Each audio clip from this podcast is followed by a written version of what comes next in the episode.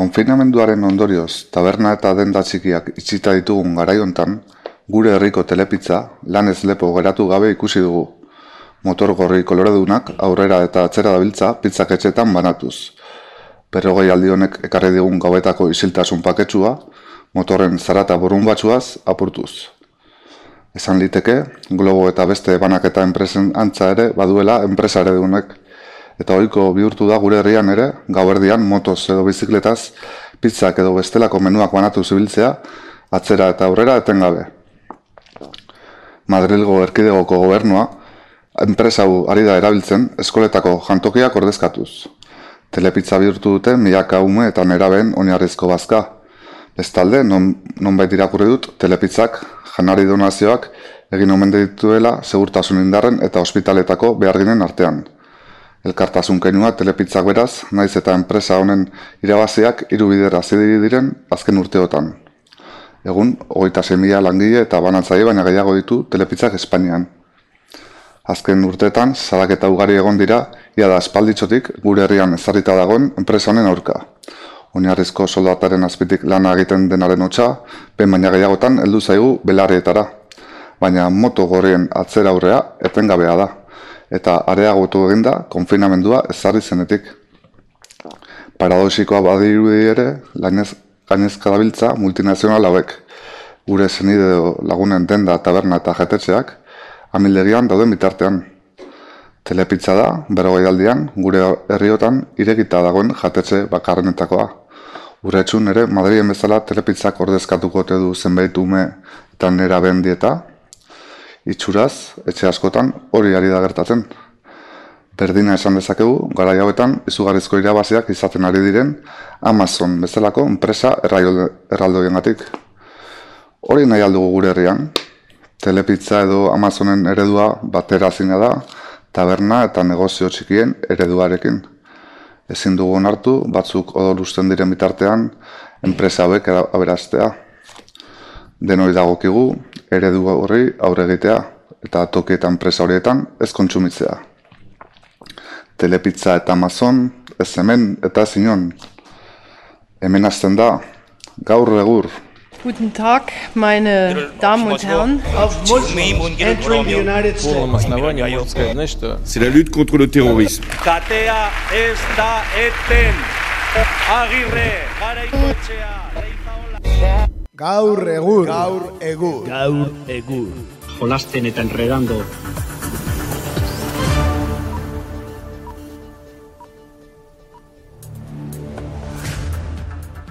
Kaixo, kaixo, kaixo, entzule hemen gaude etxetik, bakoitza bere etxetik, gaur egur irratxa egiteko prest, agian azkeneko aldiz, etxetik, edo garai baterako behintzen, azkeneko aldiz, nor daki.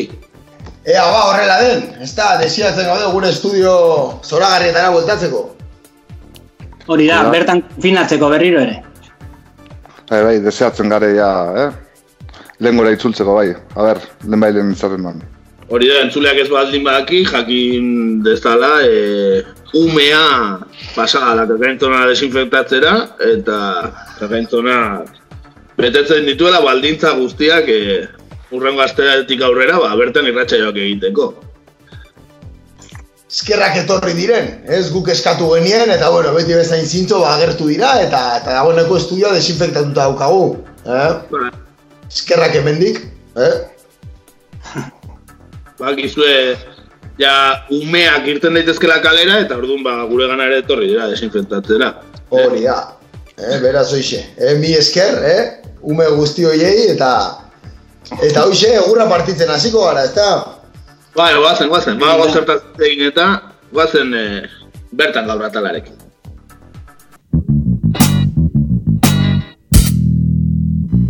Bertan gaur.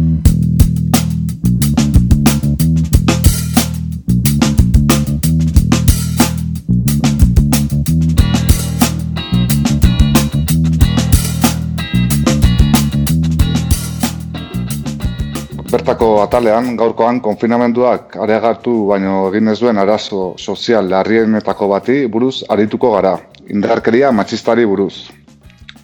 Eraso ugari izaten ari dira, larrialdideak areago oroar, egoerak, azte honetan, eraso berri baten berri jakin dugu, bilabonan.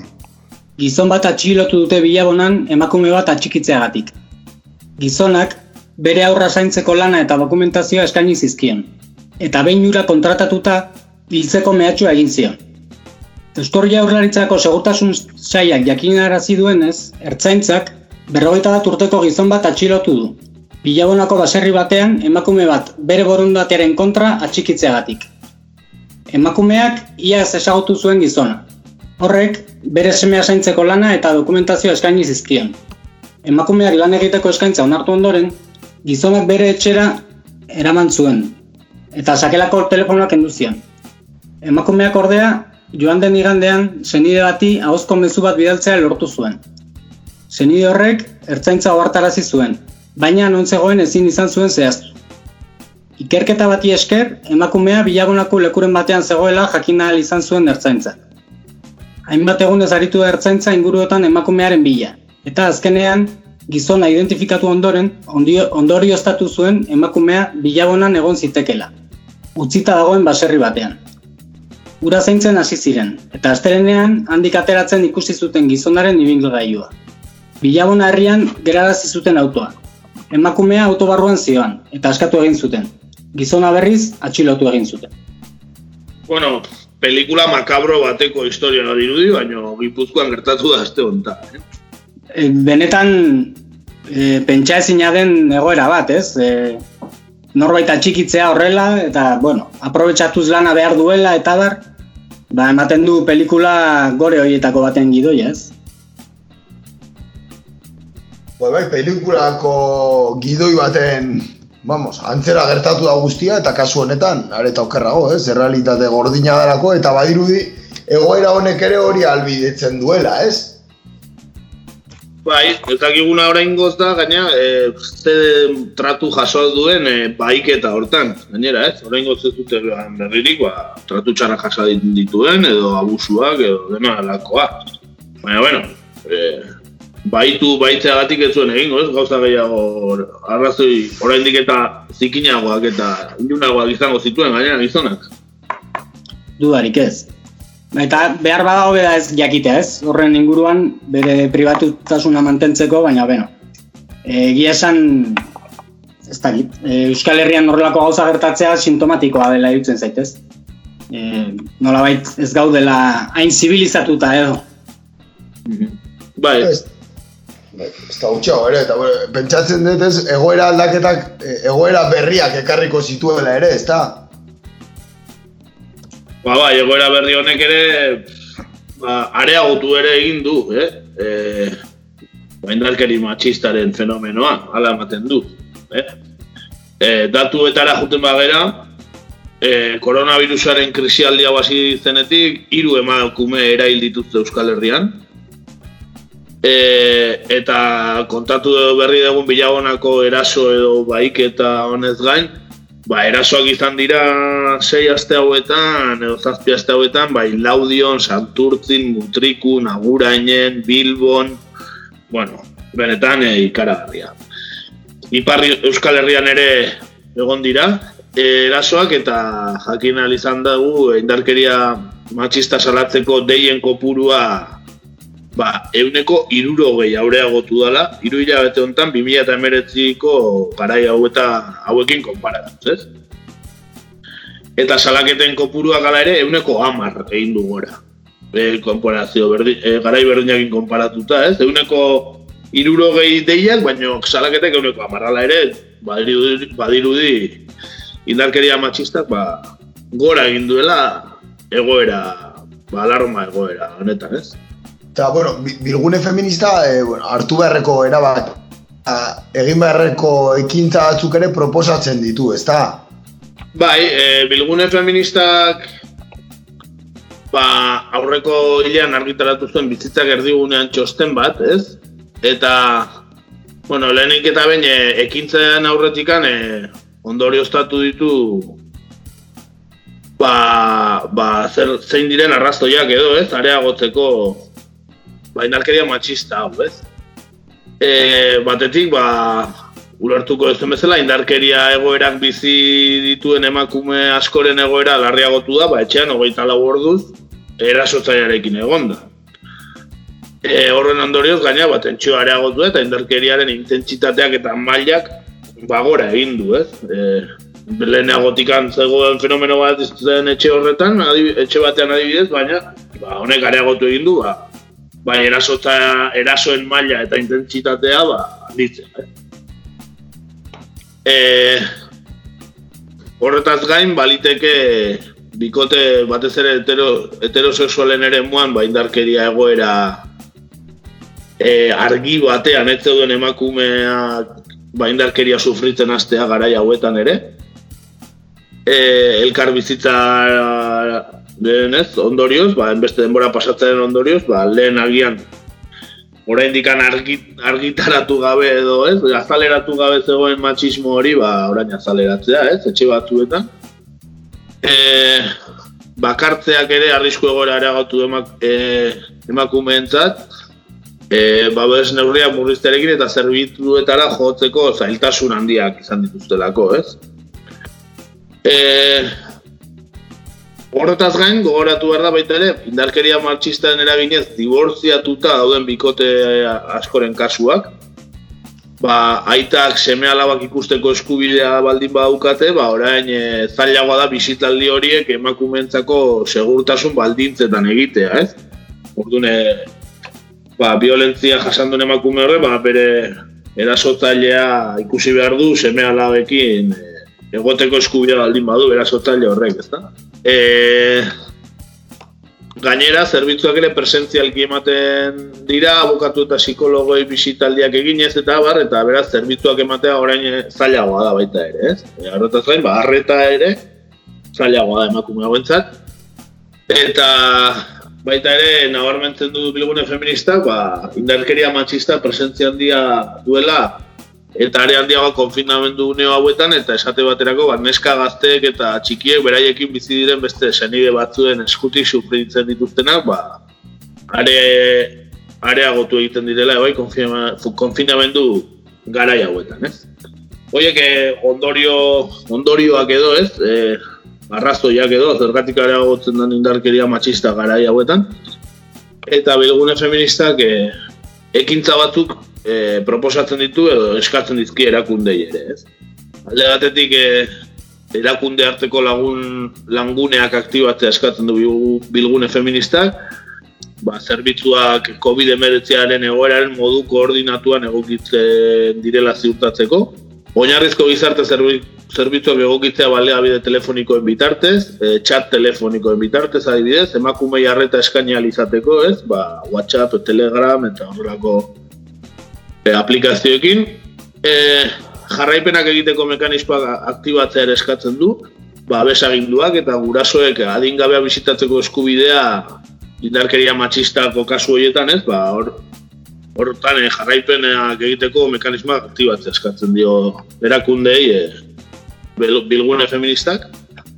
Eta emakumen jarraipen eta laguntzarako mekanismoak aktibatzea indarkeria matxistako egoerak egiaztatu diren e, indarkeria kasuak e, gora egin dutenez, e, ba, eskariak ere gora egitea gerta daiteke eta orduan behin konfinamendu amaiturik harrera zentroetako plazak ere ba, gehi, handiagotu egin behar direla, ez plaza gehiago sortu behar direla harrera zentroetan ere eskatzen dute bilgune feministatik. Arreta psikologiko eta juridiko zerbitzuak konfinamendu egoerara egokitzea ere bai, emakume guzti harreta bermatzea, bereziki menpekotasun ekonomiko eta irregulartusun egoeran daudenei. Eta oroar aurre ikustekoa da konfinamendu amaitzen emakumei harreta handiagoa eskaini beharko zaiela, ez? E, ba, erasotzaileekiko ba, bizikidetza egoera hauetan ba, gertatu diren egonezin guztien ondorioz, ez? Eta gero etorri barko dira, ba, azterketa lanak, ez, ez impactu izan duen, e, ba, guzti honek, e, ez, ba, e, indarkeria matxistaren areagotzeak, eta, bueno, ba, gizartea, ba, alde askotatik neurtu beharko da zertan aldatzen den gizartea, baina matxismoaren e, balupa ere jarri beharko da, ez, ikerketa horietan, ez. Bai, batez ere behar lupa, osea, nahi iruditzen zait gai oso transversala, ez? Indarkeria matxista ze gauza askorekin lotuta da, maskulinitate moduak nolabait ere gerrara bultzatzen gaitu gizonak eta ez da git. Nolabait gizarte oso alda eraldatzeko modu bat izan daiteke, ez? Matxismoaren matxismoan harreta jartzea edo. Zalantzari gabe, bai, zalantzari gabe, eta gero, maila, maila instituzionalean nire impresioa da agian, eh? ez dauzkat datuak eta ez dakit eh, ez daukat kontrastatuta kontua, baina zure ematen dit beste, bueno, eremu batzuetan neurri batzuk eh, hartzen edo, bueno, beintza publizitatzen ari direla, baina kasu honetan harreta gutxi jasotzen ari dela, ez? Eta indarkerian matxistarekin lotu nahiko nuke beste sektore bat eh, oso, oso lotuta dagoena, ez? Eta prostituzioaren sektorea, ez? Emakumeak ere horre invisibilizatuta daudelako, eta uste dut bai baten eta bai beste oso neurri gutxi hartzen ari direla, telebistan etengabe ikusten ditugu eh, erreskate planak alde batetik bestetik, baina indarkeria matxistaren inguruan, eh, bueno, farmazian eman daiteken kontraseina, ez? Kontraseina famoso horretaz aparte, gauza gutxi ikusi dut, ez? Zurri esku hartzea edo adaptatzea lortu dutenik egoera honetara, ez? Eta hortxe ondorioak ere, ez? Zamara dago, hor gertatzen direnak ez direla kasualia ez gertatzen, hor babes falta badago. Ez? Zema, parentenan ere daude eta, eta geroz eta isolatuago, ez? Egoera, ba, pues, penagarri horretan, ez?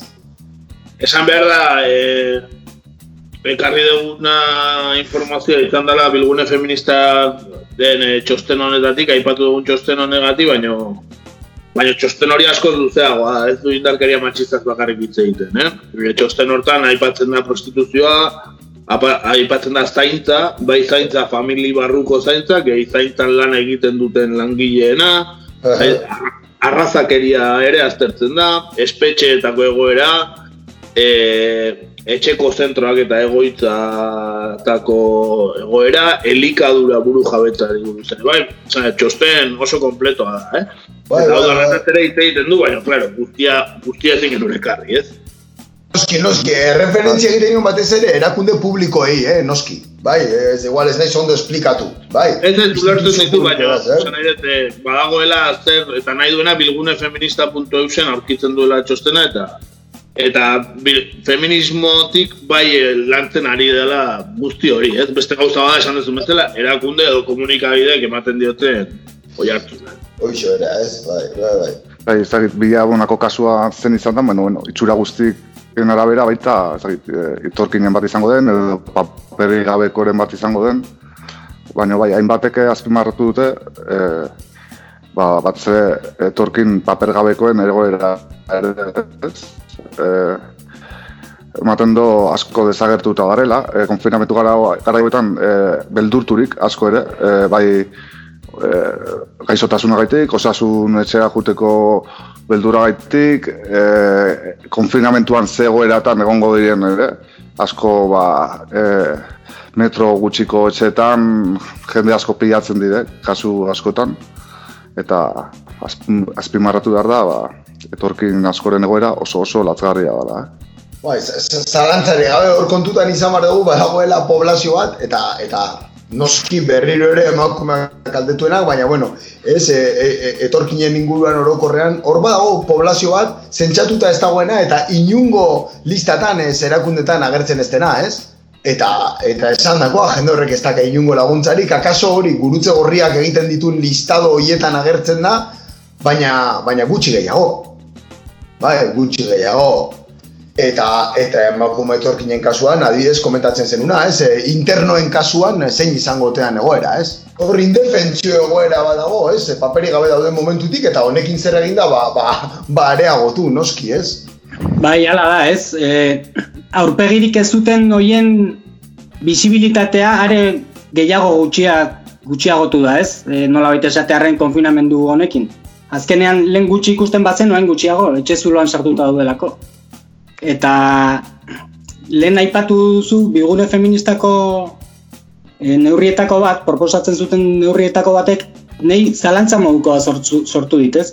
E, WhatsApp eta Telegram eta horrelako e, zerbitzuen erabilera ez, e, ba, bortxa eta violentzia jasaten duten emakumeak atenditzeko, baina banago, e, matxistak diren hauetan ere, nolabait, mobila eta bar, seguro kontrolatzen dizkiotela, ez, emakumei, eta e, ez dakit ez litzatekeen kontraproduzentea izango, ez? Horrelako gauza bat irakurriz gero, aserrea eta matxismoa askoz gehiago azten direlako. Bai, bai, noski, argi dago gala ere uste, ez nago seguro, baina zeo ze irakurri eta aplikazioaren bat edo ez ote dagon, e, ez aipatu ditugun bi famatu horietaz gain, atera ote duten horrelakoren bat, bialtzeko mezua mobiletik, baina era izkutuagoan esan dezagun, ez? Ja. Ez dala, ez, ba, ba, pixkate izkutuan gatzen den aplikazio baten bidez, hor mobilean, ba, erasotzaileak ere mobila hartu ezkero, ba ez gusteko, eh? uste badagoela horrelako mekanismo batzuk ere badaude. Seguro ba, egongo direla, bestela esan dakoa, ez? Azken, osea, arazo izugarria da eta e, eman behar diren erantzunak oso pentsatuta egon behar dira, bestela kontra egiten badizu, ba, arazo handiagotu egiten dalako, ez? Dude gabe, hala ere, bai dala nabarmentzeko, konfinamendu egoeran ere, agian e, indartsuen dagoen mugimendua jarraitzen duela izaten feminismoa, ez? Bintzat lanketak egiten, protestak egiten eta proposamenak ere bai, ez? Zalantzari gabe, ba, bai, egia da demostratzen ari dela, ez, mugimendu feminista lanean jarraitzen duela eta eta bere militantzia ere mugitzen jakin dutela, ez? Horrelako egoera baten larritasunaz jabetu direlako, ez? Beste, beste kontu batzutan, ba, agian ez da horrelako mugimendurik ikusten, ez? Badirudi apatia gehiago dagoela, ez? Beste hainbat gaien eh, inguruan, ez? Bai, bai, baita ere mugimendu badalako ez duena inungo alderdi politikok ere patrimonializatzen, ez da? Baita ere, eta horrek bere garrantzia. Edo denek patrimonializatzen saiatzen dira eta orduan ez du inorrek lortzen, ez? Ez box izan ezik, noski, horiek beste... Bai, Beste liga bat. Daude. Hori da, beste liga bat. Nola dira, eh, Amazonak dira, ez? Eta bezala alderdi popularreko bostera maila bezala nola zan hori? Feminista Hori. Amazona. Cayetana Álvarez de Toledo, ez? Hori da, hori da. Progresismoaren ikur garaikidea. Bai, noblestiatik eh, kanpo dagoen horietako, ez? Hori da. Bueno, ba, horiek aipatzeko, ba, pixka goratu nahi genuelako, azkenean konfinamendu e, irratsaio hauetan, ia irratsaio oro arazoren bat, ez, e, ekarri dugu, ez, COVID-19arekin sortu den arazoren bat, eta hau ez geneukan aipatuta, eta benetan e, funtsesko, funtsesko ditako bat zan, ez? E, Zalantzari gabe. Bai, bai, harrigarria da ez, nola pasaren lehenengo lerroan egotetik komunikabidetan guzti zahaztua izateran, ez eta egoera okerra, okerrera joan. Bai, nik esango nuke, ez, etekin publikoa ateratzen etzaionetik, ez? Ba, parrillatatik ateratako kontua dela, ez? Ze behira martxoaren sortzian, ez? Montatu zen kontu ponposo guzti hori, eta eta hortik aurrera, ba, ba desagertuta, ez? Bai, beste, beste hainbat gaiekin gertatu den bezala. Oh. Eh, Gat gogora, zeharren behitu zaldi barrerez, adibidez zertan geratu den, edo beste bai. arazo batzuk. Bai, bai, eta horrela gauza asko, edo euskeraldia ez danean, euskarari zen nolako garrantzi gutxi ematen dioten batzuek ere, ez? Orain konfinamendu gara hauetan ikusta ez ez dago. Ze jende gutxik eta ze agintari gutxik egin ditu adierazpenak euskeraz ere bai, eh? Adibidez. Ba, beno, ba, bai, baditugu gaiak urrengo baterako. e, e, horrela, xe, guazen e, nazio hortera, iruditzen bat zaizue? Aurrera, txeki. Bat, ba.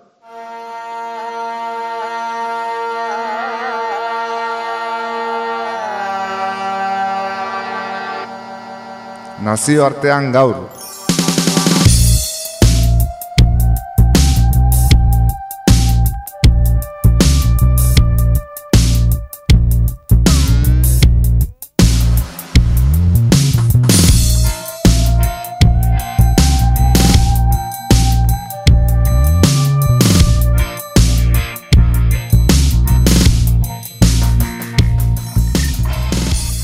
Gaurkoan mundu osora edatu den COVID-19aren inguruan mintzatuko gara beste behin ere. Baina ziurrenik eskualde honen inguruko berri gutxi izango duzu. Afrikako Sahelera bidaiatuko dugu. Bertan dagoeneko lau milioi pertsona baino gehiago dago gozete egoeran eta. bertako egoera zertan den eta hemendik aurrera COVID-19aren inguruko neurriek eragin ditzaketen kaltetaz arituko gara.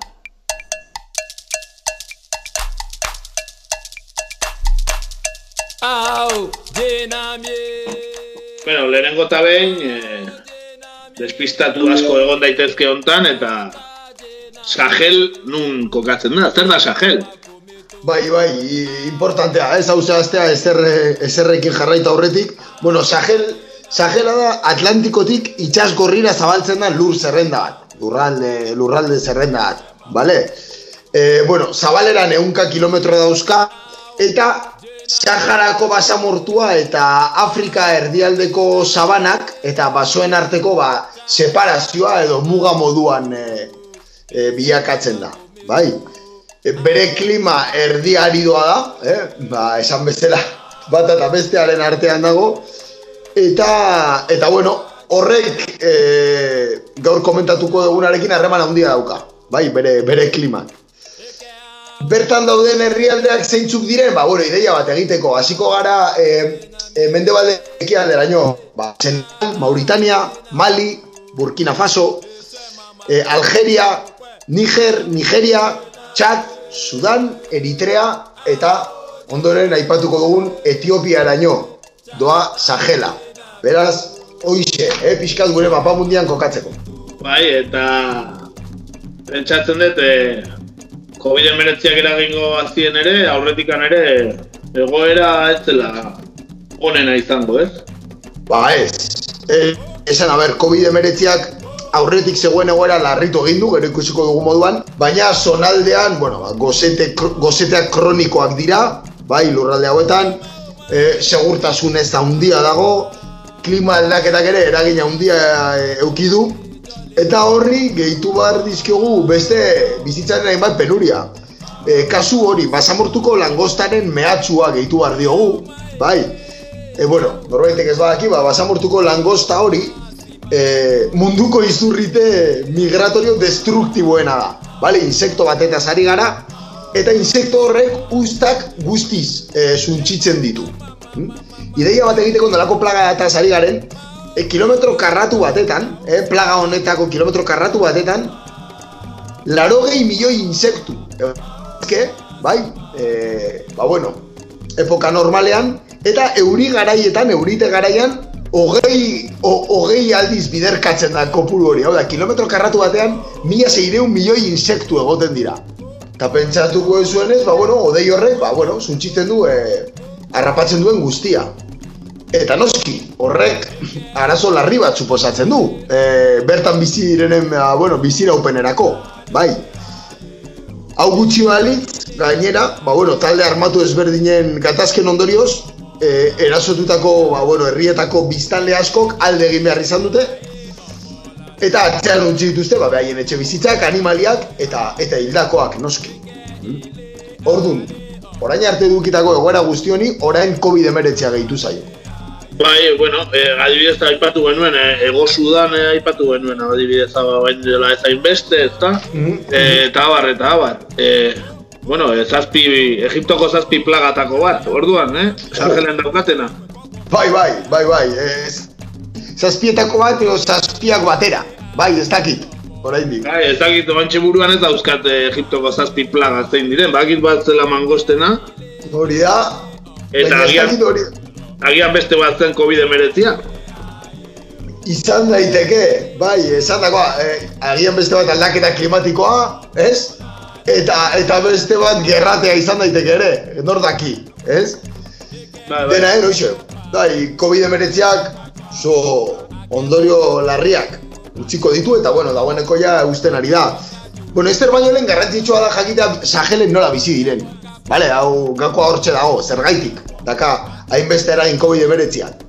Ba, bueno, mendeetan, eh, Saheleko eh, abeltzainak nomadak izan dira, eta eh, urtero eundaka kilometro dira. Bai, ba, haien eh, abere taldentzat, ba, bueno, larre berriak bilatzeko, eta batez ere apirila maiatza tarten egiten dute migrazio hori. Bai, larreak, ba, lehorrenen daudenen, noski. Eh? Ze gertatu da? COVID-19 ondorioz, mugak isten joan diren enean, ba, ezin izan dutela mugitu, larre berri horiek eta ura bilatzeko. Zergaitik, askotan beste herrialde batetan, jokatzen zirelako, bai, noma hauek ez dakate aberririk, bale, hor, e, mugen dira alde batetik bestera, muga egon edo ez. Baina, klaro, orain, zer gertatu da? Ba, mugak itxi dituztela eta eta noski ba, mobilidade hori galdu dutela. Gainera, ez, esan, barkau? Tra- Transhumantzia galarazi dula, ez? COVID-19. Guztiz, bai transumentzia, bai, bai ondoren eskaintzen dutena, hau da, behaien abereak saltzeko ere, edo beraientzako lehen beharreko produktuak eta jana erosteko, ba, ba, ba oso larri aurkitu dira, guzti honen ondorioz, bai. Gainera, justo garai honetan, ez, ba, e, nekazaik eta baita beltzainek, ez, bueno, ba, haien produktuak saltzeaz gain, e, urrengo urteko ereintza ere prestatu behar dute. Baina, esan bezala hoize, mugak itxi dira eta gainera, laguntzak ematen zaizkien laguntza gutxi horiek gutxitu egin dira. Ah, eta denda askok ere itxi egin dute hortaz inork ez ditu behaien produktuak saltzen bai. Eta eta hoize ba, zailtasun asko gehitu zaizkie ba, adibidez hasiak erosteko zailtasunak ere eduki dituzte fertilizanteak erosteko orduan ere Beraz, bueno, guzti honek, ba, bueno, koktel esplosibo bat egin du eta eta momentu honetan bakin kalarrian aurkitzen die. Bai, oso, oso goera txarrean. Claro, eske pentsatu dezakegu konfinamendu garai batek ba nomada gizarteei ba izugarrizko kaltea egin behar diela. Noski, dudari gabe, etxerik ez badaukate, nomada badira. Hor hortxe asuntoa, bai, hortxe kontua, ez? Eta eta claro, mugen iztearekin eh, pentsa, agian orain dela egun da berrogeita hamar urte putzu berdinera jun dira, ez? Urtero, ba, bueno, beraien animalientzako eta eta abarre ura, ura hartzea eta orain ezin dute joan. Eta noski ba horrek, arazo oso larria sortzen ari da. Baina gora behar dugu gehienetan muga horiek e, e, eskuadra eta kartagoiak da daudela. Bai, bai, bai, askotan eh, hori da, linea zuzenak izaten dira, ez? Zizudor, eh, vamos, bai, bai, bai, bai. Ume batek horri bat banatuko luke moduan, ez? Bai, hori da. Eta, bueno, ondorio latzak e, izango ditu egoera honek Sahelen, ez? Pentsatzen dut. Bai, bai, ondorio latzak eukiko ditu, ja ondorio latzak pairatzen zituen leku baten.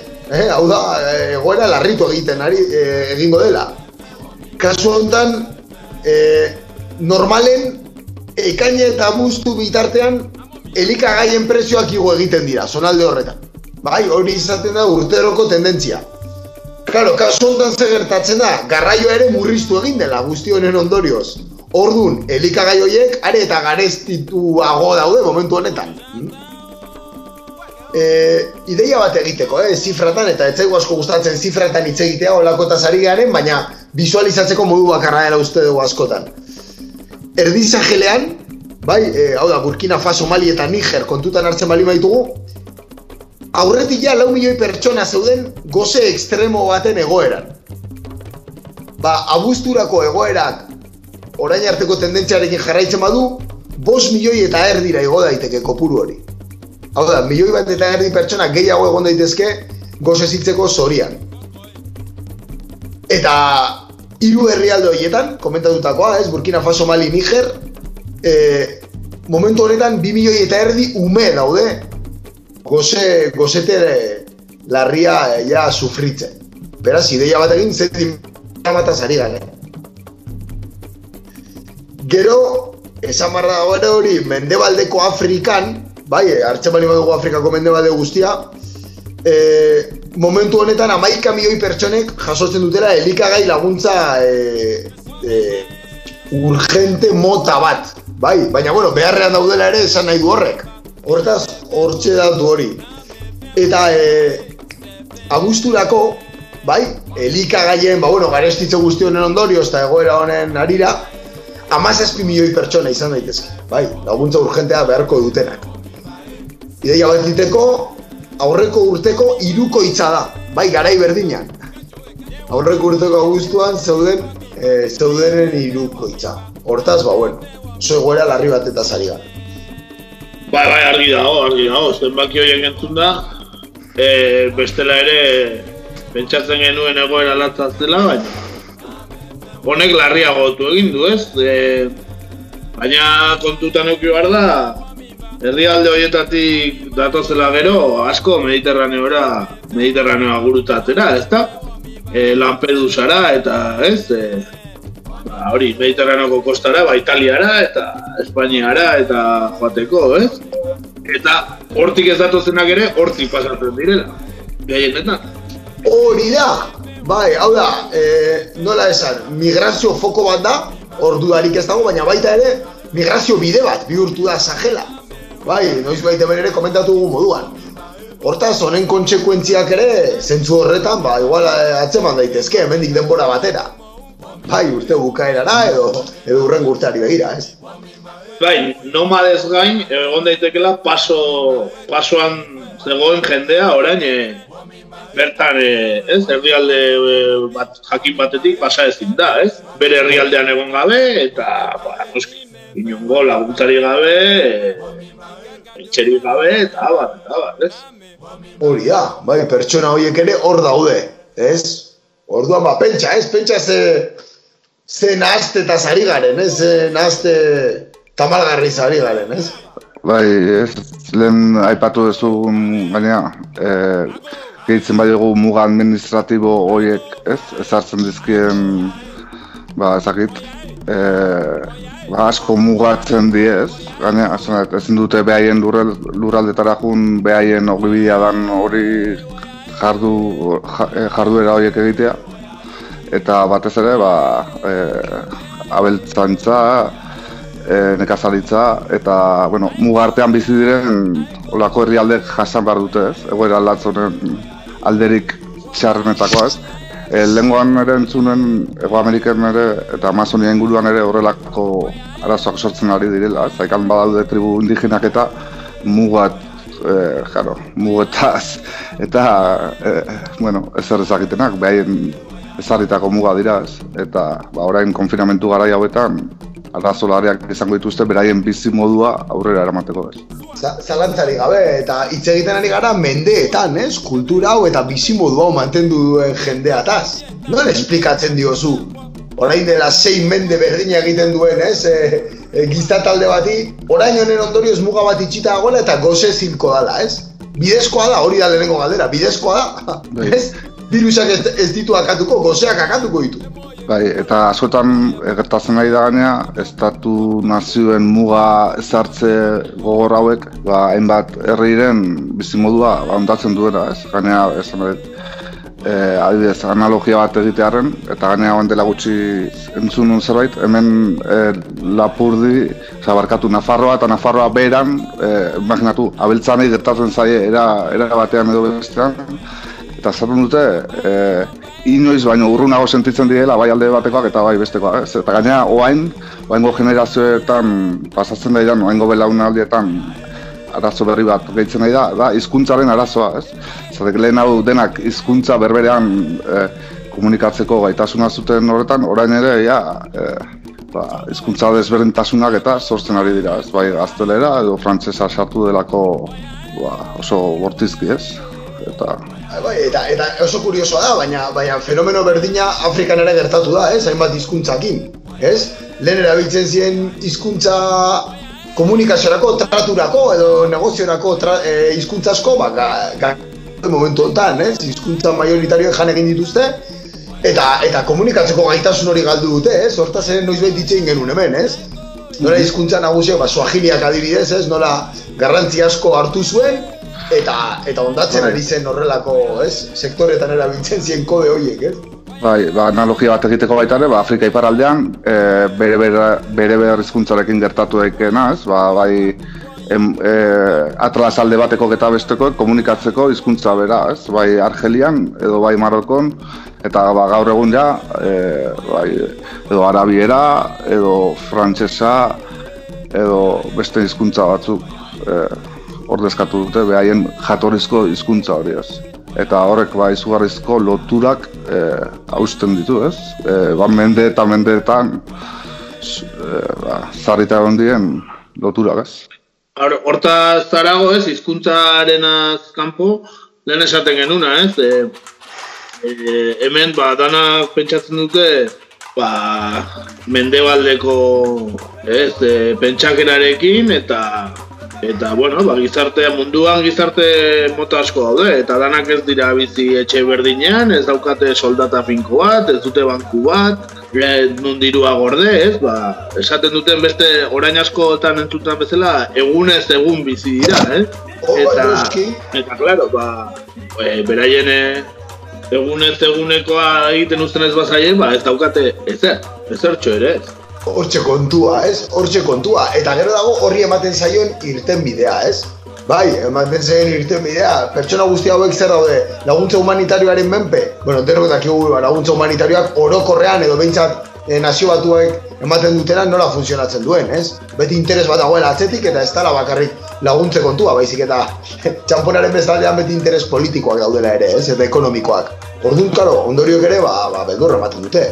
Bai, ez? Bai, gero hauek behartuta sentitzen dira, ba, beraien lurraldeetatik alde egitera, eta hiri handietako periferietara ba, e, bizi modu e, jasan ezinetan eta baldintza jasan ezinetan bizi hori izaten dira, eta ba, pentsa dezakezun ez, lan prekarioenak eta bizi baldintza okpernetan bizi dira. Ba, beraien jatorrizko bizi modua, ba, ja, jasan ezinean bihurtu zailako baita. Eta ba, ez, ez aukete irten biderik, ez eh, alde batetik ez bestetik ez. Hor, a ber, hor, esan barra dago, egon dira dibez, neurrien ingurun, ez? Neurrien inguruan, egon dira bilera batzuk, Afrikar batasuneko ba, nekazaritza ministroen artean, apirilan egin dituzte bilera batzuk, eta bueno, eredu bat adostu zuten pertsona edo gizatalde hauei laguntzeko. Bai, ba, bueno, kooperazio protokolo bat sinatu zuten, eta e, laguntza humanitarioa bideratzeko ura eta larre berriak ere eskaintzeko konpromesu hartu zuten. E, bueno, baki korrean nola funtzionatzen duen horrek, ez? Laguntza humanitarioa mugatua da eta Afrikan ere ba, interes asko daude eta estatu asko dira, hori gertatzen dena Afrikan ere, ez? Zati askotan banatuta dagoen lurralde oso handi badela, ez? Orduan ba, ba bueno, ikusi beharko dugu. Denain, egoeran, egoera ez askotan ze, Europan edo mendebaldean eta inkluso Ego Amerikan nola dagoen egoera ba baina Afrikan zer gertatzen da, ez, COVID-19 honekin. Ez zenbat pertsona daude kontagiatuta, nola doa epidemia. Ba, ber, zifren inguruan, noski hemen baina askoz txikiagoak dira. Baina kontuta eruki behar dugu ere, beraien osasun sistemaren gaitasuna askoz bajoa dela, ez? Kasu datu batzuk ematearen e, hartuko ditugu Niger Senegal, e, Nigeria eta Burkina Faso, ez? Dira e, kutsatu gehien dituzten herrialdeak. Bai, Senegalen kasu mila berreun kutsatu daude zentsatu eta momentu honetan, eta bederatzi hildako egon dira. Bederatzi. Nigerian, Nigeria, dara e, Afrikako herrialde, bueno, e, biztale gehien dituen herrialdea, bai? 2000 eta berreun kutsatu kontabilizatu dira orain arte eta irurogeita sortzi hildako zer gertatzen gaitzeu zabaltzen bada ere, desplazamentu gehiago egongo direla. Bai, zerbitzu sozial murriztu hoien edapena ere, murriztu egingo dela, eta elikagaien presioan ere igoera egongo dela, eta eskasi bat sortuko dela, hori da aurre ikusten dan panorama, ez? Orduan, karo, kuarentenan egotean egoera, ba, bueno, larriagoa da, zuk esan dezunagatik, de hecho, ez? Jende asko egunez egun bizidalako, ez? Eguneko beneficioarekin. Ez gaur irabazi eta hau eta hau behar dut afaltzeko, ez? Bai. Egoera alatza, herrialde eta toki horietan. Bai, eta datuak... Eta hau, hemen, hemen ere, Euskal Herrian adibidez, ez baldin badea fidagarriak, ba, ba, pentsa dekegu Afrikan, bat egongo diran, e, ez ja kontagio kasuak, baizik eta hildakoen erregistroak, eta abar, ez da? Beretan ezin da jakin, zen baterako mina egingo duen e, virus honek Afrikan. Dudari gabe, eta, eta, eta hasiz zentsatutakoen kopurura junda ere, ez? Zema pertsona egongo dira registratu gabe, ez? Ba, Indian gertatzen den bezala, zema jende bizi da Indian, inork ez daki, ez? Ez dago zentxo bat. Eta kasu askotan pentsatzen dut, noma askoren kasuan ere horrela izango dela, ez? Txon hauek, lehen esan bezala, beraien aberria lurra da, ez? Ez, ez dakate aberri bat, ze mendek dara mazate muga batea, batetik bestea zarkatzen, ez, orduan ba. Baina bai, bai, panorama oso beltza, ez, eta hemen etxetik ezin garela irten kezkatzen garen bitartean, ba, han jendea goze ziltzen ari da, ez? Pandemiak uste dituen hildakoak, baina askoz ere gehiago, askoz ere gehiago. Bai, bai, han... Sajelen erdiak ejatzen eh, supermerkatutako hilara luzeia delako, eh? Hoixe bera, ez? Hoixe bera. Eitz egiten ari gara milioika hildakoz, eh? Eta milioika pertsonaz gozete larrian aurkituko direnak, ez? Orduan Bai, bueno, bai. ba, hortxe. Eta horretara, horretarako ez dute txertori bilatuko, ez? Ez da gutxiago ere, ez da gutxi, ez? Eta hoi hartzun gutxi eukidu, eh? De hecho, egoera, egoera honek eh, komunikabideetan, orokorren, nik behintzat ez dute zer entzun, honen inguruan. Nik ere ez, nik ere ez, horrein arte ez. Beno, ba, gaur egur da horretarako iratxaio, ez? Inorren aipatzen ez duena, aipatzeko. Hori da, saiatzen geha behintzat, ez? Ale egintzen gara. Hori da. Eta musika ere jarriko dugu, inorrek jartzen ez duena. Bueno, ez da bai beste ere ez, ez? Irrati libretan behintzat entzuten da, hau, eta bestela ere bai. Hori da. Bai, nahiko ben desente eukiduena. Gaur, de hecho, homenaje bat emango gara, eta rege, regeari leku bat egingo diogu, ez da, gure gaurko saioan, ez, hori uste dut. Bai, bueno, ondoren datorren pertsonaiak ere albidetzen du hori, ez da? Hoixe bera. Eh, bueno, oraingo zazteko eta aperitibo moduan, e, tiken ja fakoli, bai, e, bolikostako abeslariaren e, abestia jarriko dugu, Jomez bla bla bla deitzen dana, bai, politikari afrikarek, ba, bueno, dakaten ohiturari erreferentzia eginez, bueno, politikari guztiek dakaten ohiturari ez, eginez, orokorrean. Eta hoxe, 2007an atera zuen e, L'African diskotik ateatako kantua. Hortxe, promes bla bla bla. Tiken ja fakoli. Hemen dugu.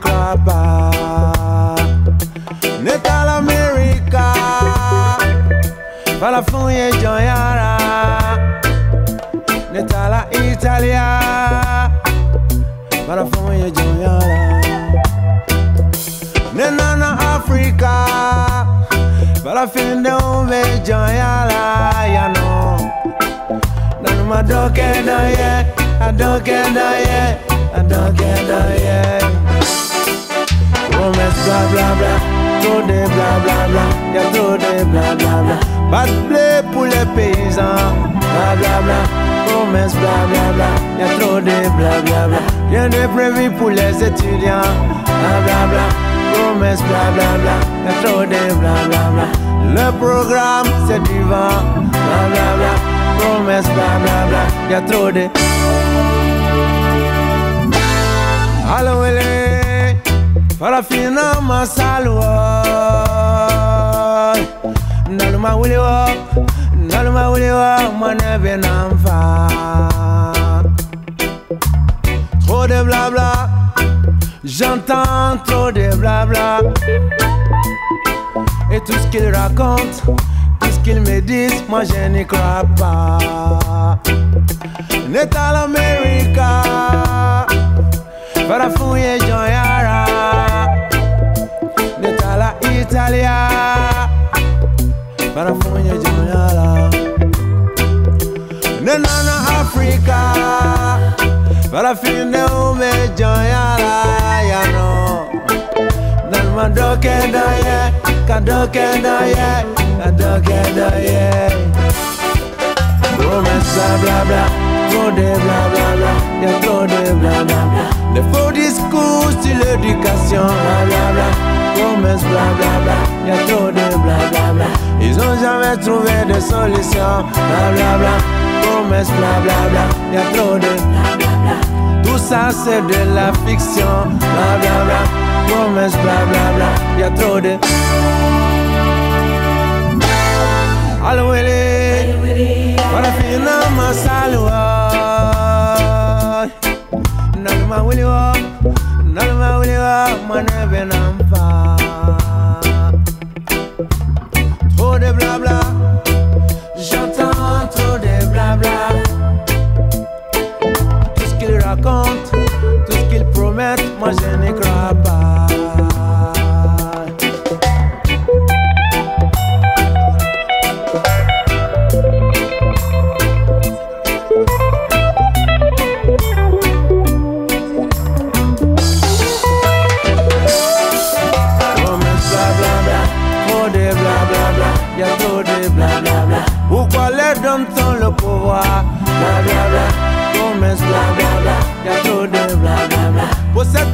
le savoir Blablabla, promesse blablabla. Y a trop de blablabla. La jeunesse vit dans le désespoir. Blablabla, promesse blablabla. Y a trop de.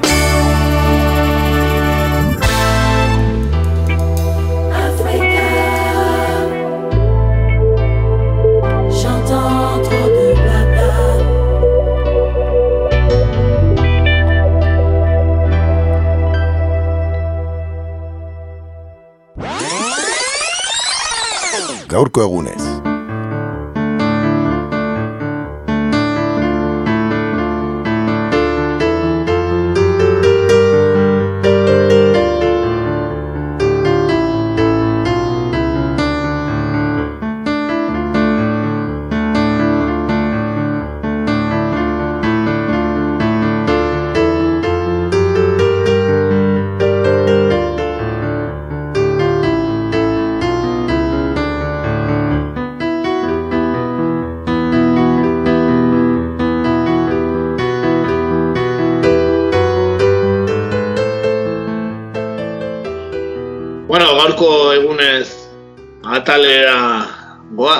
Gatoz eta bueno, bakinka larrian ibili gara aste honetan ze efemeride aukeratu, ez?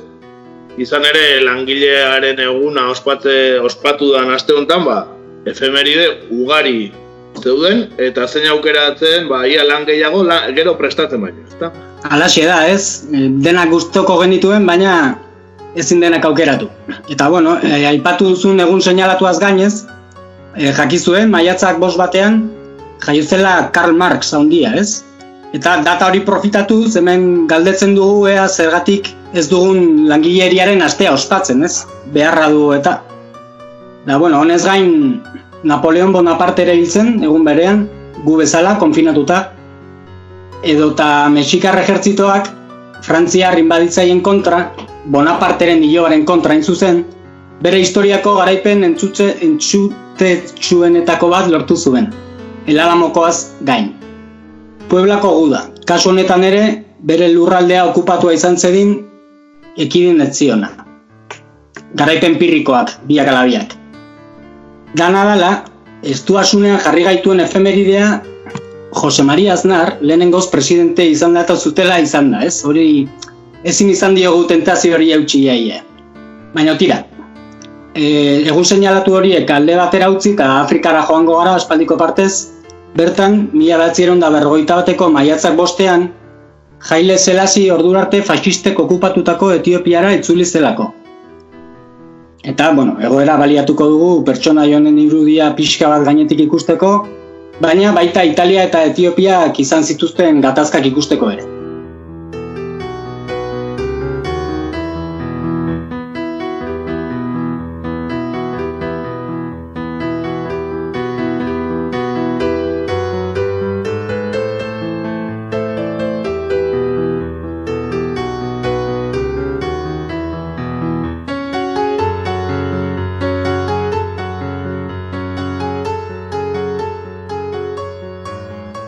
Jaile Selasi aipatu duzu, izen famatua da, eta Rastafariekin badu zerikusirik ala.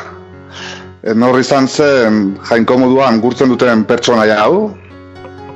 Bai, batez ere Rastafariekin lotzen da, ez? E, Selasi jauna, da bere izena hain zuzen Tafari Makonen da, ez? Eta Ras kargoa burua edo nagusia esan nahi zuela, eduki zuen Abisiniako enperadore izan baino lehen. Eta hortik sortzen da Ras Tafari hitza, ez? E, kargu eta bere izenetik. Abisinia esan e, lengo Etiopia zela, ez? Etiopia, Eritrea eta Somaliako zati bat, eta bertako enperadore zen e, Jaile Selasi fascistek okupatu zuten arte, ez? E, esan bezala hori, ba, mila batziron da hogeita marrean e, eskuratu zuen tronua aitaren partetik, eta e, hogeita maikan Etiopiaren lehenengo konstituzio idatzia plazaratu zuen. E, hogeita maseian berriz, bi urteko guda eta gero, erbestera joan, biz, joan behar izan zen, ingalaterrara, e, fascistek ba, lurraldea bereganatu zutelako, ez? Eta, bueno, egoita amaseian bertan, e, gerora famatu egin den diskurtsoa bota zuen Nazioen Ligan, ez? E, badakizuen Nazioen Liga lehengo gerra mundiala eta bigarrenaren artean e, nazio batuen erakundearen aurrekaria edo izan zela, ez?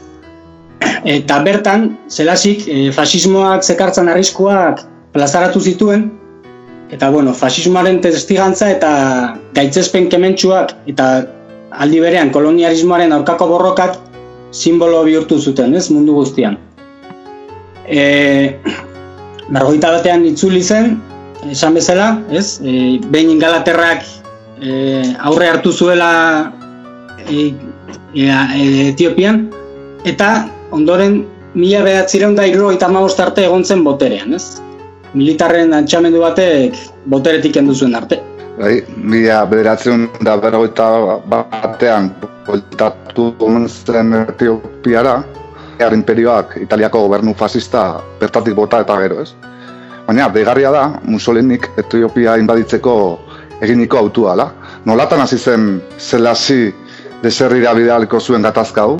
Bai, e, deigarria da, nolabait Etiopia italiatik oso urrun geratzen delako, ez? E, zentzu batean nahi gogorazten dit Nafarroako erresumaren ideia peregrin hori Albania konkistatzearena.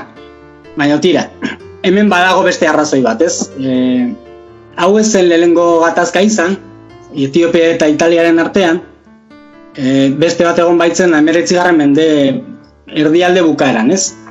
E, Etiopia izan zelako, hain zuzen, kolonizatzaile Europarrei irabazteko gai izan zen lurralde bakarra, eta zentzu honetan bere independentzia mantendu zuena, ez? E, Afrika osoan Etiopia eta Liberia uste dut, ez? Izan zirela gaur egun kolonizatuak, gaur egun existitzen diren estatuak eta aurretik kolonizatuak izan ez zirenak. Ba, bueno, e, Italiak galdu egin zuen, ez? Eta Mussolini bere maskulinitatea nolabait ezbaian ikusten zuen, ez? E, humilazio horren kontrako mendeku mendeku mendeku moduko bat izan zen, ez? Inbasioa. Eta mila bat ziren dagoita malauan Abisinia okupatzeari ekin zion, ez? E, bertan egin zituen adibidez, e, lehenengoz, gerora famatuak egingo ziren Italiarra ere ejertzituaren zibien aurkako ekintzak, ez? Eta guk oso ondo ezagutzen ditugunak zoritxarrez, ez? Bai Gernikan edo bai Bartzelonan ere, ez? Mhm. Bai, f- fletxa urdinak eta bestea bar, hala? Hala da. Eta, bueno, behin, ita, behin italiarrak eh, bigarrenez etxera eh, bidalitza, bila- bidalita ze pasa zen zelazirekin. Bai, ba hori, e, ingelesak e, Etiopia liberatu zuten edo nola esateko eta e, zelasi e, ingalaterran zegoen, ez, erbestean eta bertatik ba, bueltatu zen etxera eta boterea berreskuratu zuen, ez? Eta gustu hartu zion, noski. E, boterean dagoen pertsona askori gertatzen zaien bezala. Azpimarragarria da, ez, nire ustez, e, kolonizatua izan ez zen herrialde bat, ez, eta mila urteko historia izatea zarrotzen zen indepe, lurralde independente honek, mila behatzeron da berrogeita bi arte hau da, selasi bueltatu eta urte bat gerora arte, itxaron behar izan zuela imperioko esklautzaren oinarri legala ez estatu arte, hau da, esklabutza ilegala bihurtu arte, ez, pentsa. E, independiente izan den lurralde bat, eta hala ere esklabu, esklabu merkataritzan ba, papel ez daki garrantzitsua, baina papel bat izan du, ez? Eta, bueno, e, besteak beste zigor gogorrak ezarri zituen egerorentzako, ez? Eriotza barne, eta, bueno, aurrera pauso moduan ikusi daiteke hori, ez? Da, bueno, be, horrez gain bere fama aprobetxatuz, ba, mundutik jirak egin zituen, ez, pila bat. Ze nolabait ikono bilakatu zen, eta, bueno, e, jirak egiten pasazun denbora asko, ez, Kennedy, Tito, Hirohito, eto, edo De Gaullekin bezala, bezalako pertsonaekin batzartuz, ez? Da, bueno, beste datu aipagarri bat izan liteke, irurogeita lauan, e, zelasik Afrikako estatu batuen kontzeptua zabaldu edo sortu zuela, ez? Geroago, dakizuenez, Muammar Gaddafik berreskuratutako proposamen bat, ez? Da, bueno, hori nolabait nei behintzat oraindik e, ideia interesgarria iruditzen zait, ez? Afrikak munduan dauken papela pixka bat handitzeko, handitzeko zerotik bat erabentzat. Da, bueno, e, bukaera, ba, botentze, boterean mantentzen diren askori bezala gertatu zitzaion, ez? E, amaiera odoltsu batekin, baina, bueno, gure Frankori ez zitzaion ala gertatu, zoritxarrez, baina urte berean, e, irurogeita magostean hain zuzen, Etiopia krisialdi ekonomiko larri bate jo zuen, eta bueno, ezin egona zabaldu zen militarren artean ere bai, ez? Der izeneko junta militar komunistak hartu zuen boterea, eta enperadore eta bere familia kartzelaratu eta erail zituzten, ez? Nola bait, hola laburpen izugarri bat eginez. Bai, bai, gauza asko, asko da gauza asko konta daizke ez rasta, rastafaritaz, ez, Hail Selassitaz, ez? Hori da. Eh, esan dezun bira hortan adibidez, ikusgarria da Jamaikara egin zuen bidaia, ez? Mhm. Jaitsitzen aireportutik, hor, hor baizala, bueno, Ba, aita santua, ba, baino gehiago, eh? Aita santua herrialde katolikoenean geistea baino askoz gehiago, eh? Askoz gehiago, azkenean pentsatu behar da, Rastafarien mugimenduak e, pentsatzen zuela jail zelasi, izango zela beraien esklabuen, nolabait esklabuak liberatu eta e, beraien arraza, ez, nolabait esateagatik, ba, beste mundu zoriontsu eta harmoniko batean e, sortuko zuena. Eta azkenean, ba hori, ez da, ez da figura bat, ez, mesiasa da, azkenean, ez da aita santua, mesiasa baizik. Hala ere argitu behar da ez dala berak bilatutako gauza bat, ez? Baizik eta e, estatu batuetan da Jamaikan batez ere Marcus Garbi e, ez? E, pentsalaria eta asisten sustatzen Afrikarrak Afrikara buelta behar zirela, ez? Afrikar esklauen ondorengoak eta Afrika Afrikarren zela eta beltz zirela Afrikarrak eta abar eta eta bera promozionatu zuen, ez? Ba, irtengo zirela Afrikarrak altxatuko zirela, ez, zuriaren, gizon zuriaren aurka, eta orduntxe sortu zen, ba, jail zelasin kontatzen historia, eta horregatik, ez, ez zuen bera bilatu Rastafari Eh. mugimenduko liderra izatea, ez. E, noski, noski, azkenean tokatu egin zitzaion, baina, bueno.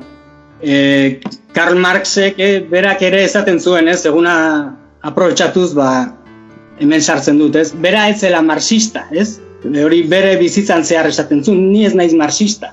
Ba, hau ere kasu berdina, ez. Nolabait, papel bat atxikitzen dizute egin duzun edo egin daukazun e, simbologiagatik eta ba, horrekin bizi behar duzu, ez.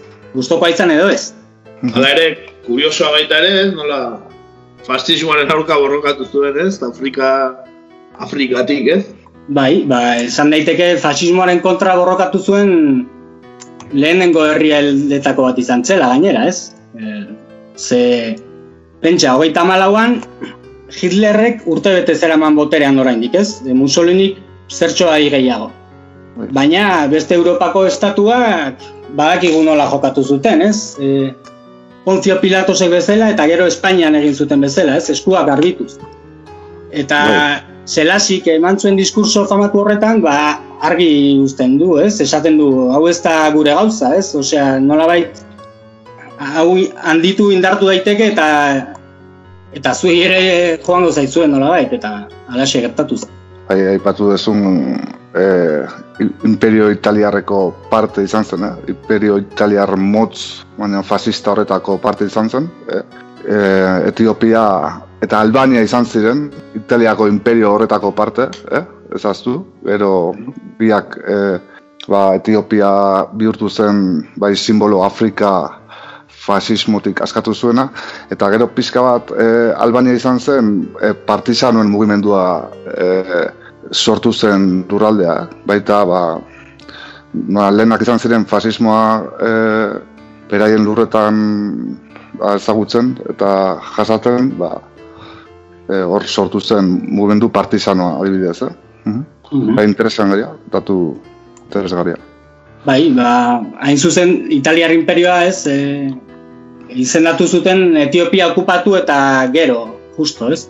Eta, bueno, bai, oso, oso efimeroa izan zen imperio bat, e, tamainagatik imperioa ere konsideratu ezin litekena behar da, baina tira. Izen hori eta enperadore izatea boteretsuei asko gustatzen zaien gauza bada, ez? Begira bestela Bonaparte adibidez. Bai, bai, eta hilduteri ere, ba, ba gustatzen zaion, ez? Noski, hori hitza. Hala ere gero, Etiopiara iritsi ez bazen ere, bigarren gerra mundialak Afrikan ere gogor jo zuen, ez? Bai, bai, hombre. Batez ere Afrika iparraldean, ez? E, Rommel eta eta Inglaterran aurkako gudak edo adibidez e, gero Paris liberatu zuten espainolak, ez? Errepublika zale espainolak e, ba egin zuten segulako martxa, ez? E, ez da ez da torkit burura izena, e, general baten agindupean, ez? E, joan ziren, osea, pentsa, 2000 kilometrotik gora egin zituzten oinez, eta osea, Afrika izan zen, ba, beste gudu zelai bat, naiz eta asko ez den gogoratzen. Duare gabe, eta ez da gogoratzen ere zenbat Afrikar erabili ziren, e, bueno, potentzia ezberdinekin borroka egiteko, ez? Kasu, e, Frantzian adibidez Senegaldarrekin egin zen moduan, ez? Bai, bai. Zenbat Senegaldar hartu ziren eta gerra batera eraman ziren, nun beraiek ez zeukaten inungo zer ikusirik, ez? Milaka Bai. kilometro mugitu gero frontean hiltzeko. Eta Bai. pentsatuko zuen moduan lehenengo lineako soldaduak ziren hoiek, ez? Bai. Eta Marokoarrek, Marokoarrek eta Argeliarrek ere e, paper oso garrantzitsua izan zuten gero Frantzia askatzerakoan. Eh? Baita ere. Ga- Gakoa izan ziren. Aipatu Etiopia Ingalaterrak askatu zuela esan dudala, baina hori faltsua da, ez? E, Ingalaterrak ordaindutako soldadu etiopiarrek askatu zuten eta borroka egin zuten. Beraz, Ez, e, nola esan, gerraren subkontratazioa gertatu zen askotan ere, ez? bai, bai, duda Ez? gabe. Eta, e, baina Euskal Herrian baita ere gertatu zen, ez? Ipar Euskal Herrian Morse pour la patrie, ez? E, Oh, bai, kasu berdina, ez nola... ere, ba, Claro, baina tira. bai, bai, bai. Zea bat sortu beharko dugu, ez? Igual, erligio bat beste askatzaile batekin eta gure gure erligio Euskal Herriko bihurtu. Agian bai, Ni lanean jarriko naiz, bai, lanean jarriko naiz. Hala ere ez dakit rastafariek eh, eskatzen duten edo edo desio duten ezer lortu duten, baina bueno, betzat mundura beraien mezua zabaltzea lortu dute musikaren bidez, ezta? Ez da gutxi, hala da. ez da gutxi. Eta regea gustatzen zaion edo zeinek, ba, izen eta hitz asko entzungo ditu historia hauetatik, Rastafari bera, Jail Selasiren izena ere askotan, Abisiniarraen kontuak ere bai, ez, e, Etiopia bera, eh? Etiopia bera, gero pixkat nazten dute judutarren kontuekin ere bai, Bai. pixkat nasketan handi badaukate, hor ez, Sion, Berai- eta Babilonia, eta... Bai, histo- historiak berak ere badauka analogia bat e, Israelen askapenaren historiarekin, eh? eta e, aberrira bueltazearen historiarekin, eh? Bai, bai, bai. Bai, Bai, horregatik bai, bai. Eta Bai, gainera Etiopian e, kristiano ortodoxoak dira, ez? Hor eta bakizuek judutarrekin kristautasunak ere binkulo komuna daukela, ez? Hasieratik eta Sion mendia eta abar eta abar. Baina bueno, hori beste baterako utzi beharko dugu, ez? Erlijioaren kontu hori. Bai, bai, gauza asko daude horre sabako erregina eta abar ere, bo- bueno, gauza asko hitzein daizke horre buruz, ezta? Ja, Eta tribuak, eta bai, bai, hor, ez? eh, Ensala asko dago hor. Baina, bueno, behintzat eh, balio izan du Rastafari mugimenduak eh, beste atsegin dugun rege musikaren oinarrian egoteko, ez? Eta gero musikalki bestela ere existituko ote zen, eta agian mezuak aldatuko ziren bakarrik, baina, bueno, behintzat hor daukagu, ez? Eh, rege musika mundu osoan ezaguna, kopiatua eta eta famatua, ez? Orain ja da bere txeme kutxunena, baina tira. bai, horietako bat, ez? Mm. Gehiago baizu, eh? Reget, regetoiaz gain, eh? Ragamufia, eska... Bai, eska. Eh? Baina bai, eh, ba, bestitxoa jarriko nahi badezu, ez? Eta, ba, ipatu dugun guzti horren eredu, ba, regea gustatze etzaionak ere ezagutuko duen regea abestilari ezagunenaren abesti bat ekarri dugu, ez? Ba, Bob Marley. Eta berak alaxe dauka abesti bat, eh, Selasi is the chapel, ez? Eh, Selasi da Eliza. Hori da kapilla, edo, ez? Eta horixe, ba, beste horixe jarriko dugu eh, gogoratzen. Oso ondo.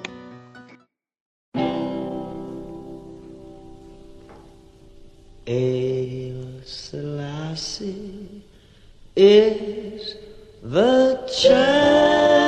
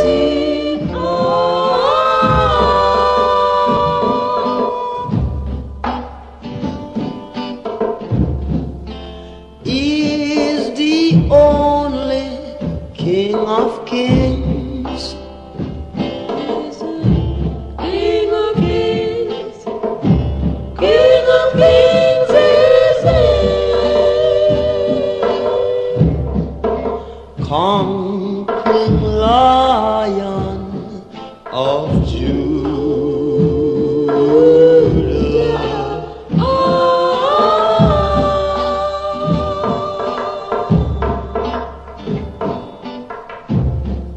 Triumphantly we all must sing.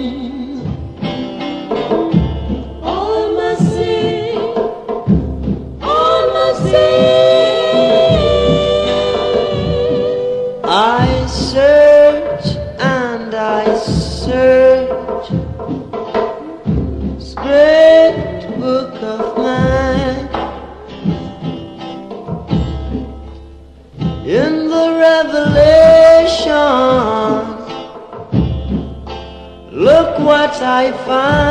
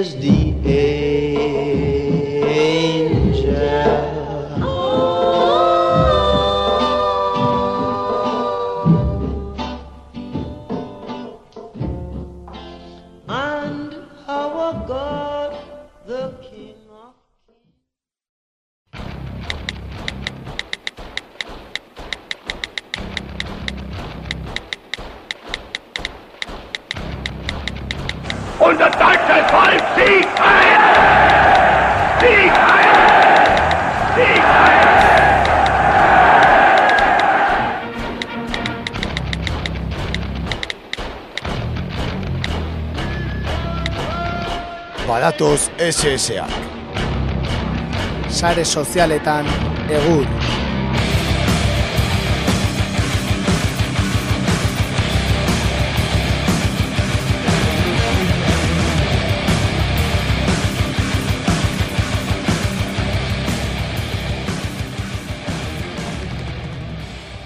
Gaurkoan, sare sozialetan bizigaren garai hauetako bi lider komunista handienetaz arituko gara. Lehena, Kim Jong-un. Izan ere, mundu erdiak hilda zegoela esan ondoren, maiatzaren lehenarekin berriz ikusi izan dugu, Koreako lider gorena. Bai, Ipar Koreako edabideek Kim Jong-unen lehentiak zabaldu dituzte Suntxonetik, ego Pyongyang probintziatik. Maiatzaren lehenean, langileen nazioarteko egunean, parte hartu duen ongarri planta bat eraikitzearen amaiera ospatzeko ekitaldian. Horrela, ba, bueno, haren eriotzaren inguruko zurrumurroekin amaitu da, eta hiru astez jendaurrean egon gabe egon ondoren.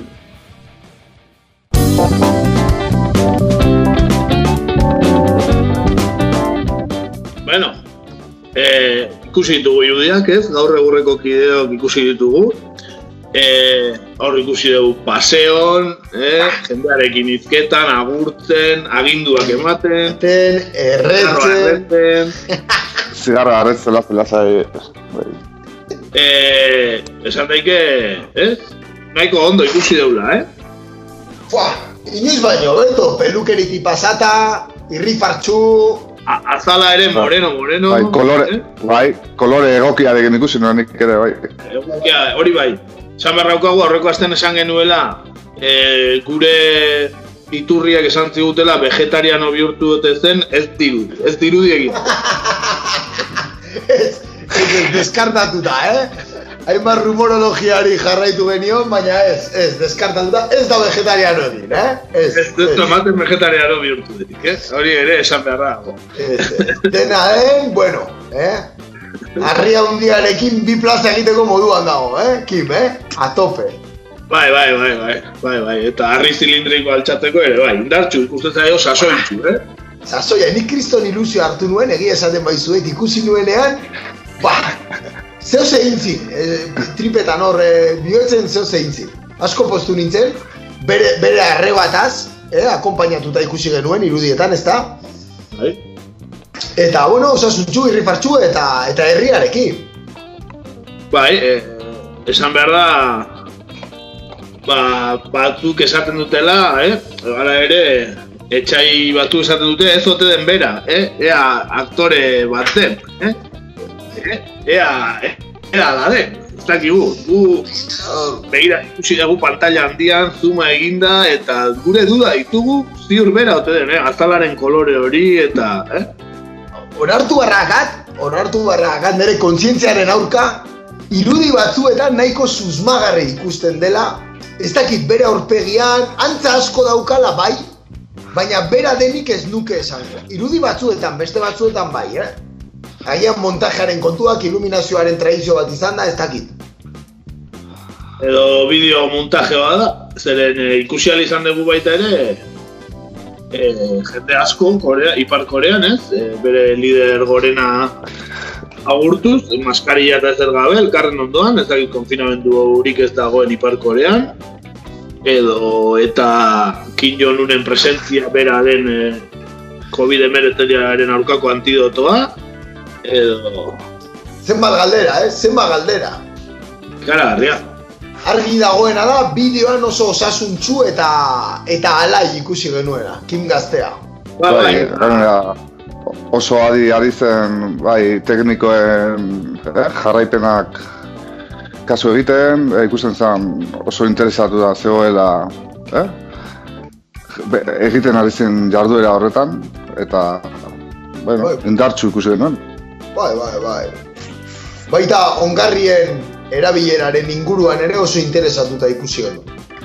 Bai, bai, Ja, ba. eta ba, garai bat, momentu batzuetan gogorarazte zuen eh, Hugo Chávez, ez? Ez dakigu kore eraz, baina mateztu nahi zala hor esaten espropiese, espropiese, ez? Bai, bai. Bai, bai, bai, bai, bai. Behatzakin seinalatzen, eh? Hori da, hori da, hori da. ¿Eh? Señor Ministro de Defensa, mándeme un batallón a la frontera de Colombia, hola, eh? Bai, bai, bai. Bai, bai, tamales ez dakagu itzulpenik, ez, esan dakoaren itzulpenik, baina argi dago gauza onak direla. Ez? Gestoagatik, eta jendearen erreakzioagatik gauza onak esan zituen. Hala, hala. Hala ere, egoratu behar dugu e, Twitterrez galdera hoxe egin genuela, ez, aurreko astean, da Telegram zere bai, ea nola zegoen Kim Jong-un, ea osasuntxu zegoen, vegetatibo zegoen, hilda zegoen, edo oporretan zegoen, eta bueno, golea da zirabazi du bai batean eta bai bestean oporretan egoteak, eh? Baten batzuek erantzun dute hilda zegoela, eta beste batzuk osasuntxu eta vegetatibo ia inorrek ez. Hombre. Orduan, baliteke bere azalaren kolore berria oporretan egon delako izatea. Merezi zituen, eh, opor batzuk ere, ez, deskantxu pixka bat, eta... Hoxe. Batzuk diote, Hawaiien ibili ote den Dennis Rodmanekin. Ah, nor daki, nor daki, eh? Nor daki, mate batzuk egiten, eta... Ez da? Tapoia garri zidan, Jong-unek. tapoia. Bai, bai, bai, bai, bai. Beste iturri batzuen arabera piercing bat egin omen duela, baina ez dakigu non. Hola esan dute. Agerian ez. Ez, hori da kezkagarrien agian. Agerian ez egotea. Rodmanek eh, konbentzitu omen zuela piercing bat egiteko eta tatuaje bat. Nor daki, igual urrengoan ondartzan ikusiko dugu eta bizkarrean motor geat jarriko dio. Eh? Edo Air Jordan, eh? Hori da, hori da. Bai, Chicago, Chicago Bulls laro gehieta mala, bueno, laro gehieta mamos, tolakon bat, eh? Venga. bueno, en fin. Bai, hori... Ba, hori xekin jo nunena, posten gara, lider gorena. Eh? Ondo dagoela ikusteaz, eta... Eta hala ere, ba, baukagu bai, beste eh, protagonista bat gaur. bai, horren gortan baita lider komunista baten gara joango gara, eh? Bigar, bigarren lider komunista handi bat ezagutuko dugu, eh? Baina, bueno, lehendik ere ezagutzen duguna, baina eh, horrengoan zutsuki ikusi dugu langileria defenditzen, eh? Andoni Hortu Zarbera, eh? Ea zer dion. Hori da, eh? Hori da, gure lider gorenak, eh? Adierazpenak egin ditu maiatzaren lehenean, ezta? Euskal lider gorena. Entzun dezagun Andoni edo agian esan beharko genuke Vladimir Ilich Ortuzar, ez dakigu. Aquí pocos capitalistas hay. No, no, no, no conozco yo muchos. Lo que sí conozco son obreros. Nosotros no hemos priorizado el capital por encima de la vida. Nosotros no le defendemos al capital, defendemos a los currelas.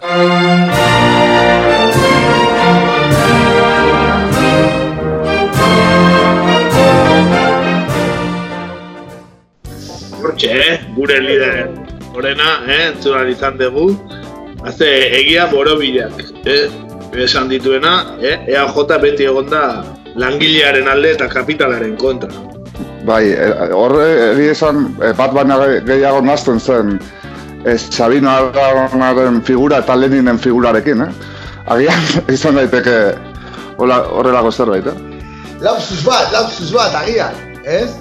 Esaten ari ote zara Sabino Arana Lenin txapelarekin zela? Eh, nik hori entzun dut, nik hori entzun dut, eh? Aizu, fisionomiak ez du bakoitzak era, erabakitzen, izan daike, eh? Izan daiteke, izan daiteke. Eh, nor daki. Eh, esan behar dana da, gogoratu behar da, EAJak esan nahi duela Eusko Alderdi jeltzalea. Eta gel, gelek esan nahi duela jendea eta langilea. Eh? Claro, claro. Eh? Claro, claro, claro. Baina, baina, bueno, eh, eh, hori, a ber, ba, armariotik atera, da, armariotik atera, Andoni, eta, eta, bueno, ba, orain arte, ba, iskutuan zuen, eta orain erabaki du, ba, ba, esatea berak kapitalista gutxi ezagutzen dituela. Hori da, hori da, oso gutxi eta inoiz ez duela defendatu kapitala, eh? Eskerrak, eh? Eskerrak. Eskerrak, Eh. gauza bat ezagu ditu, gutxi ezagutuko ditu, baina gu baino gutxiago ez ditu ezagutuko. Zin egiten dut. Zin egiten dut. Bueno, gogoratu behar da, Andoni dala, esan bezala, gel eh, alderdiko politburuko idazkari nagusia, eh? Eta, bueno, adierazpen hauek norbaitek ez badaki egin dituela Instagramen, benetan moderno bihurtu zaigu, Andoni komunista, Oh yeah. eta egin dituela gainera egiko kide batek egindako elkarrizketan, eh? Egi, Egi? balkizu. Egi. Egi, Euskal Gaztedi Internacionalista. Ah, vale, vale, vale. Ba, rollo berdinekin dauden hori, Venezuela gora, bestea bera, bai izetsu dien, bai, bai, bai, bai. Internacionalista Socialista, ja, Egi. Claro, claro, bai. eh, edo eus- eusko ga- gaztedi iraultzailea. eh? Bai, hori da, hori da. Bai, bai, bai, bai. Ba horre egin ditu, adierazpen bikaina hauek, eh? E, ba hori, eh, benetan hori. Zer, zer esan, eh? Ez dakit zen nundik hasi, Confebas, Kabira Elandiko Trena, Zaldibar, Errauskailua, De Miguel kasua, zenbat, zenbat esan ditugu. Eh? Zenbat, zenbat, eta ekologistak garen ez ez ditugu denak imprimatuko, baina baina asko dira, bai, asko dira, eta zerrenda amaigabea da, horrelako adierazpen bat egiteko oso fuerte gozaldu beharra dago, eh? Oso fuerte. Bai, bai, maiatzaren lehenean gainera, eh? Bueno, goratu behar dugu, eh, Andoni Oztuzar beti izan dela oso langilea, eta ETB-en lan egiten zuenean, lan edo ETB-en zerbait egiten zuenean, e, elako sindikatuko kidea zela, eh? Eraz, sindikalista modura asisten lider komunista. Beste asko bezala. Hortik, karo, bai, bai, bai, Maduro bezala. Igual, eh? Maduro bezala, sindikalista izan zan, eta bai, ba, bueno, hortxe, ez? Telebista publikoko zuzendaritza utzi ondoren, eskualderdi jeltzaleko patroia, ba, hola funtzionatzen du munduak, ez da? Hori da, Maduro autobus gidari izan zen eta Hortuzar berri iritzi publikoaren eh, gidari, ez? Bai, baina gauza bat esango izuet. Hortuzarri ez zitzaion pajarito agertu, Maduro hori bezala. Ba, ez? Be- benetako materialista izango da. Hoxe bera, eh? Ha. Ba, dialektika handikoa, gure Antoni. Eh, bueno, ala, ala ere, ba, nosk, nola ez, entzulek pentsatuko duten bezala, ba, Twitter galdera honi buruz egitea pentsatu dugu, ez? Eta horrelaxe bialiko dugu oraintxe, ea zein uste duten, ez? Zein uste dezu izan dela jeltzale komunistena, ez? Gel gogoratu jendea eta langileak, eh? Alderdia. Ba, jeltzale komunistena, ea Andoni Hortuzar bera ote den, agian, e, lider guztietan komunistena, edo Josu Jon Imaz, beti herriari eskaini diona bere lana, ez da? Horantxe bertan ere ONG batean uste da bilera zuzendari, ez? Bai, Repsol Open Arms, bai. Bai, hori da, hori da. Besoal, beso, besoak zabalik, orain ere, dirua jasotzeko. Edo Alfredo de Miguel, eh? Beti izan da, beti izan da dirua manejatzekoa gizona, ez da? Eh? Eta dirua banatzekoa ere, ez? Hori da, bai, hori da. Potatoko, eh, potato taldearen abesti bikain bateko protagonista izateaz gain, noski. Hori da, hori da. Eta... Me acusas de Miguel, ez da? Ah, Claro, claro. Osa, akusatua izan zen, bai. Benetan, eh, justifikaziorik gabeko eh, delitua gainera, eh, akusazio hortan, eh? Horrelako lider komunista bati nola, nolako akusazioak egin horrela, eh? Lo- lo- Lotxagabe, lotxagabe. Espero un Leicester Jordi Eboleren programan agertzea. Edo bestela, agian, eh, Mar Marxen kapitala liburuari iruzkin gehien atera dizkion Sabino Arana izan daiteke, eh? Komunistena.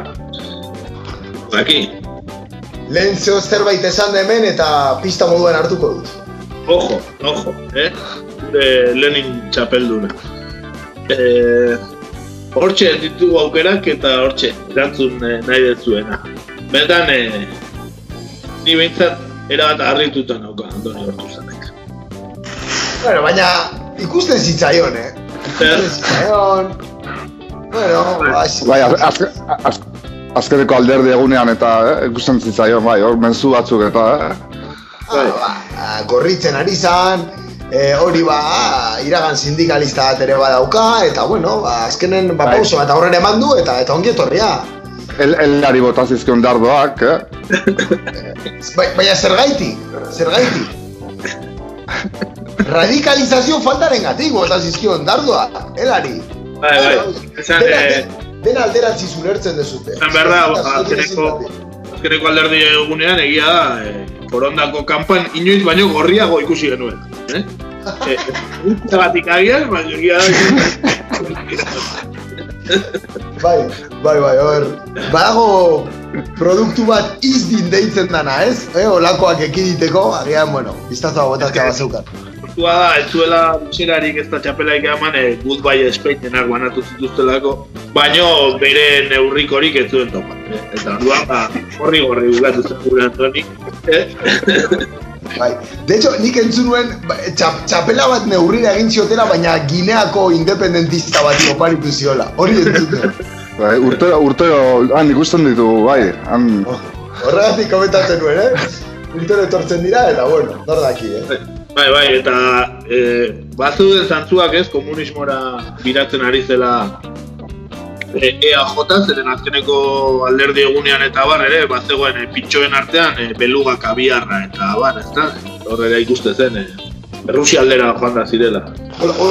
Zuten bai, e, beluga kabiarra jaten eta txosnan banda basoti jarri zutela. Bai, bai, bai, horrela, horrela azten dira gauzak. Kontu, kontu.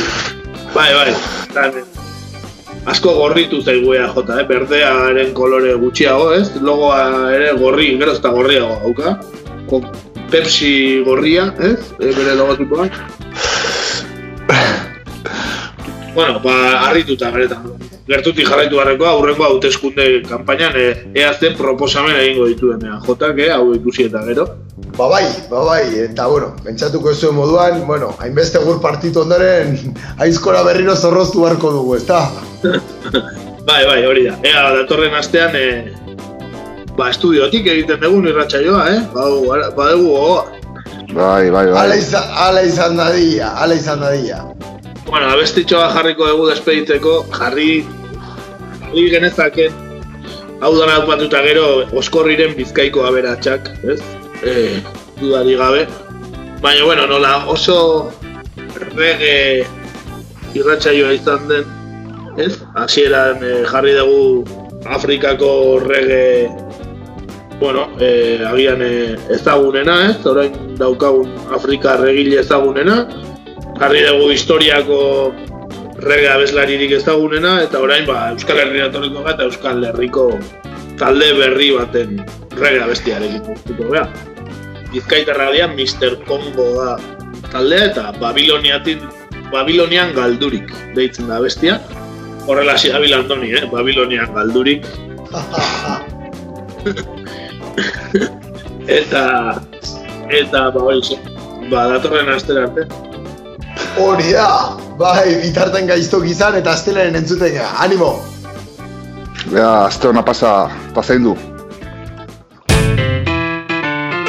¡Váyanse al carajo! ¡Yanquis de mierda! ¡Que aquí hay un pueblo digno!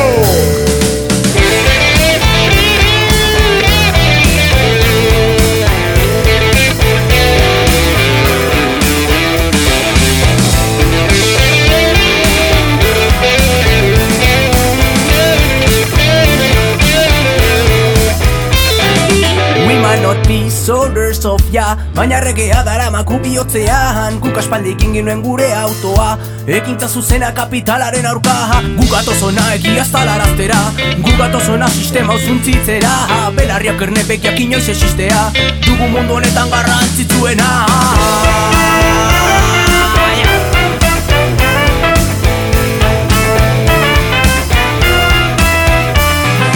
We might not be soldiers of ya Baina regea dara magu bihotzean Guk aspaldikin ginuen gure autoa Ekintza zuzena kapitalaren aurka.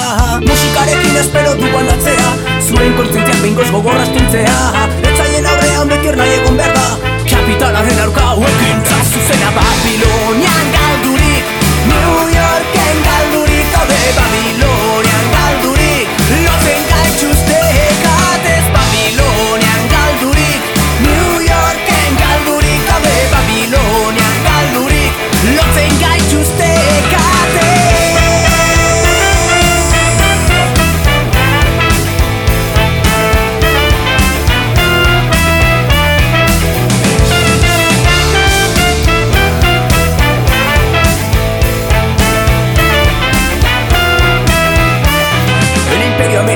nos trae la liberación, liberación del mercado para seguir la explotación, explotación de la tierra, explotación del ser humano. Por eso dijo Chávez, ¡Váyanse al carajo! que hay un pueblo digno combatiendo la opresión, que lleva en su sangre fuego de revolución. Hay que dar más importancia a la explotación, expropiación de la tierra, tierra para el labrador. Babilonian Galdurik, New York en Galdurik.